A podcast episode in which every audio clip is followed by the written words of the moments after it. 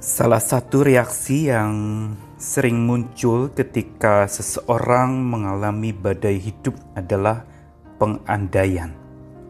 Mengandaikan segala sesuatu. Andaikan saja peristiwa buruk itu tidak menimpa hidup saya. Seandainya masalah berat itu tidak menyerang saya. Seandainya saya tidak pergi ke sana, maka saya tidak akan kena celaka. Atau seandainya saya menuruti aturan, saya tidak tertular. Seandainya, seandainya itu bisa muncul. Satu reaksi wajar yang sebenarnya berasal dari penolakan, menolak akan peristiwa buruk badai hidup itu melanda. Karena memang ini reaksi wajar. Tidak ada satu orang pun yang kepingin diserang badai. Karena itu selalu menyusahkan, selalu merisaukan, bahkan bisa membinasakan. Kita bisa takut di dalam badai itu. Sehingga ketika masalah badai datang melanda, kita mulai mengandaikan segala sesuatu. Tetapi Pengandaian-pengandaian itu sesungguhnya tidak akan mengubah keadaan. Saya Nikolas Kurniawan menemani di dalam sabdanya menyapa kita lagi hari ini dari Mazmur 107 ayat 23 sampai 32. Ada orang-orang yang mengarungi laut dengan kapal-kapal yang melakukan perdagangan di lautan luas mereka melihat pekerjaan-pekerjaan Tuhan dan perbuatannya yang ajaib di tempat yang dalam. Ia berfirman, maka dibangkitkannya angin badai yang meninggikan gelombang-gelombangnya. Mereka naik sampai ke langit dan turun ke samudera raya. Jiwa mereka hancur karena celaka. Mereka pusing dan terhuyung-huyung seperti orang mabuk dan kehilangan akal. Maka berseru-serulah mereka kepada Tuhan dalam kesesakan mereka, dan dikeluarkannya mereka dari kecemasan mereka. Dibuatnya Dibuatnyalah badai itu diam sehingga gelombang-gelombangnya tenang. Mereka bersuka cita sebab semuanya reda, dan dituntunnya mereka ke pelabuhan kesukaan mereka. Biarlah mereka bersyukur kepada Tuhan karena kasih setianya karena perbuatan-perbuatannya yang ajaib terhadap anak-anak manusia. Biarlah mereka meninggikan dia dalam jemaat umat itu dan memuji-muji dia dalam majelis para tua-tua. Mazmur 107 adalah mazmur yang sangat kaya dengan pengajaran. Bila di bagian awal bicara tentang pengembara yang ada di padang belantara, yang dibebaskan oleh Tuhan, lalu kemudian ada orang-orang yang terpenjara oleh keinginannya, dan Tuhan juga membebaskan mereka.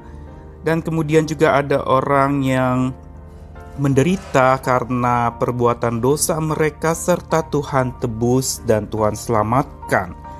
Maka ayat 23 sampai 32 ini berbicara tentang orang yang mengarungi laut dengan kapal-kapal, pelaut yang berlayar yang naik kapal dan menghadapi badai kehidupan.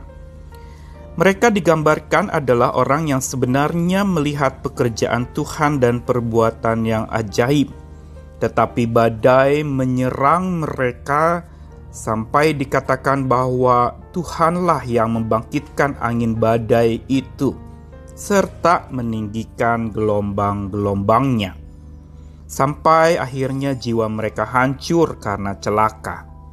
Tetapi lalu seruan mereka kepada Tuhan menyebabkan Tuhan lalu menenangkan badai itu dan gelombang-gelombangnya pun menjadi tenang. Bagian ini ingin menegaskan tentang Tuhan yang pegang kendali atas badai kehidupan. Tuhan pegang kendali atas segala macam bencana. Karena digambarkan dia yang meninggikan badai itu, tetapi dia yang meredakan pula badai itu. Dan karena Tuhan pegang kendali atas badai, dia tidak pernah dapat dikendalikan oleh badai itu. Bahkan lebih dari itu, Tuhan tidak selalu menghalau badai saja, tapi Ia juga mampu untuk memakai badai untuk menyatakan rencananya, memakai badai untuk mengingatkan manusia, dan memakai badai untuk menjangkau manusia agar bisa belajar dari badai itu dan bukan sekedar berharap badai berlalu, tapi belajar dari badai yang belum selesai berlalunya.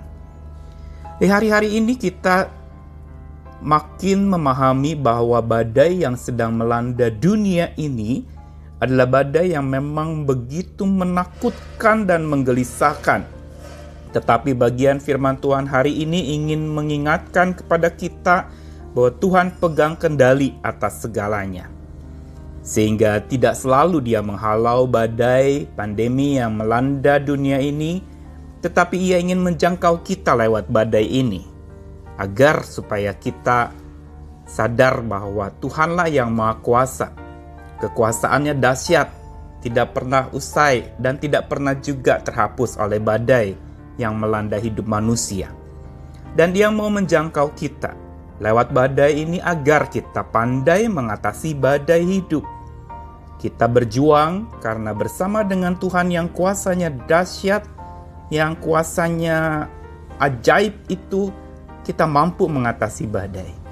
Karena itu, jangan pernah lalui badai sendirian, tetapi selalu memohonkan Tuhan menyertai kita karena Dia pegang kendali maka segala kendala hidup kita tidak pernah akan menghalangi kita untuk melihat kuasa Tuhan dan memakai kuasa Tuhan itu untuk menghadirkan Tuhan yang penuh kuasa buat orang-orang lain juga yang terkena badai. Mari kita belajar lagi seberapa berat dan seberapa lamanya badai itu. Ingat ada Tuhan yang selalu mau menjangkau kita lewat badai. Dia tidak pernah inginkan kita binasa, dia mau memakai kita justru untuk menguasai badai bersama dengan kuasanya yang dahsyat.